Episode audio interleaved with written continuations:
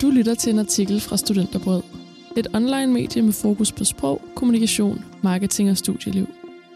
Mit navn er Line Bejerholm Skyskov. Bachelor speciale. Syv råd til at passe på din psyke.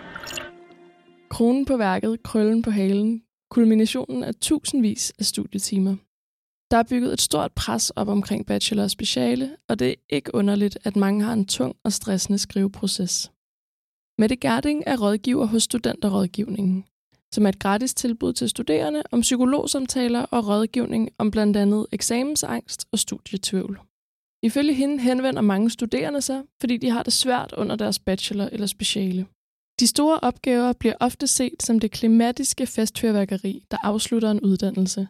Og netop derfor kan der være rigtig meget pres på, som kan resultere i en ubehagelig proces og måske endda mistrivsel, forklarer Mette Gerding.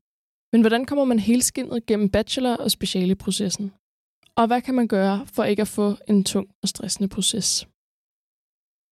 Genkend de typiske symptomer. De store opgaver kan ofte opleves som en stor belastning. Og når psyken bliver belastet, kan det udløse forskellige symptomer, som mange nok kan genkende. Typiske symptomer kan være skriveblokeringer, præstationsangst, manglende motivation eller lyst, angst for fremtiden, social isolation og ensomhed, ambitioner, som ender med at være en spændetrøje i stedet for en drivkraft, og perfektionisme. For mange studerende er symptomerne ifølge studenterrådgivningen en forhindring for at komme i gang med arbejdet. De studerende ser symptomerne som roden til deres problemer, men i virkeligheden er symptomerne ofte tegn på, at noget i arbejdsprocessen håndteres forkert. Derfor råder de studenterrådgivningen til at se skriveblokader og manglende motivation som et tegn på, at der er noget i arbejdsprocessen, som skal ændres. Jagt ikke det perfekte. Ambitionerne til de store opgaver er for mange studerende tårnhøje, og der hersker en idé om, at de skal aflevere den perfekte opgave. Men jagten på det perfekte kan spænde ben for en god proces, fordi det nemt kan resultere i præstationsangst og skriveblokader. Derfor råder studenterrådgivningen til at give god plads til fejl i opgaveskrivningen. Faktisk er det en god idé at byde fejlene velkommen, fordi man lærer så meget af dem. Og selvom ambitioner er en god ting, er man nødt til at acceptere, at en opgave ikke kan rumme al viden eller blive perfekt. Manglende motivation. I løbet af en skriveproces vil de fleste opleve svingende motivation, og uden motivation kan man ende med at gå lidt i stå og måske have svært ved at komme i gang igen. Studenterrådgivningen råder til at se motivation som en handlingsorienteret proces, i stedet for noget, der kommer og går. Det vil sige, at når motivationen mangler, handler det om at arbejde sig frem til den.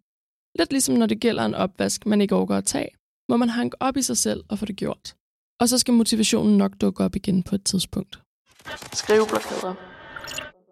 En stor frustration for mange studerende er skriveblokader. Ifølge studenterrådgivningen opstår blokader ikke, fordi studerende ikke kan skrive.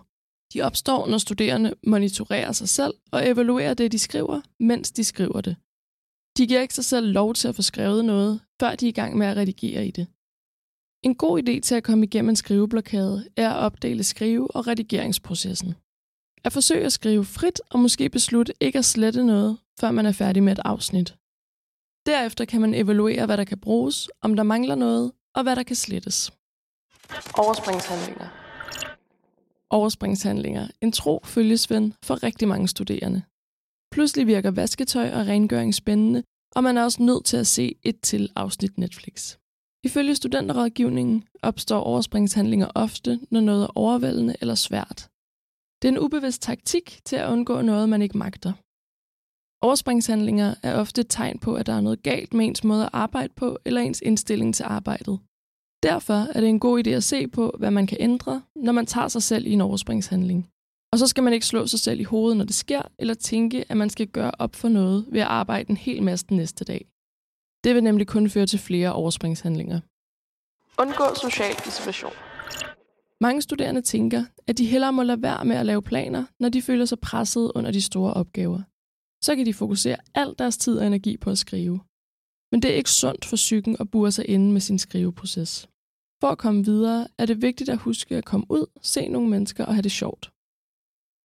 Er der noget i skriveprocessen, der er svært, er det ofte en kæmpe lettelse at snakke med andre studerende om det, som højst sandsynligt kan relatere til problemet. Det kan være en rigtig god idé at finde en skrivegruppe og sidde sammen med at arbejde. Selv hvis man ikke er samme sted i processen eller skriver om helt forskellige ting, vil man kunne relatere til hinandens oplevelser. Det er selvfølgelig ekstra svært at undgå at isolere sig selv lige nu, fordi der er corona. Derfor kan det være en god idé at mødes digitalt med sine medstuderende og huske at facetime med sine venner, hvis man er forhindret i at se hinanden fysisk. Bekymringer om fremtiden.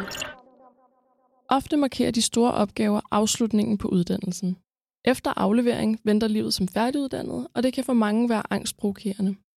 Kan man finde et job? Hvor skal jeg søge? Og har jeg overhovedet kompetencerne til det? Studentrådgivningen minder studerende om, at de har en hel masse frisk viden at bidrage med som nyuddannede, og at jobsøgning er en disciplin, som skal læres. Det kan du for eksempel gøre ved at kontakte din fagforening. Du lyttede til en artikel fra Studenterbrød. Like, subscribe og del. Mit navn er Line Bejerholm Skyskov, og tak fordi du lyttede med.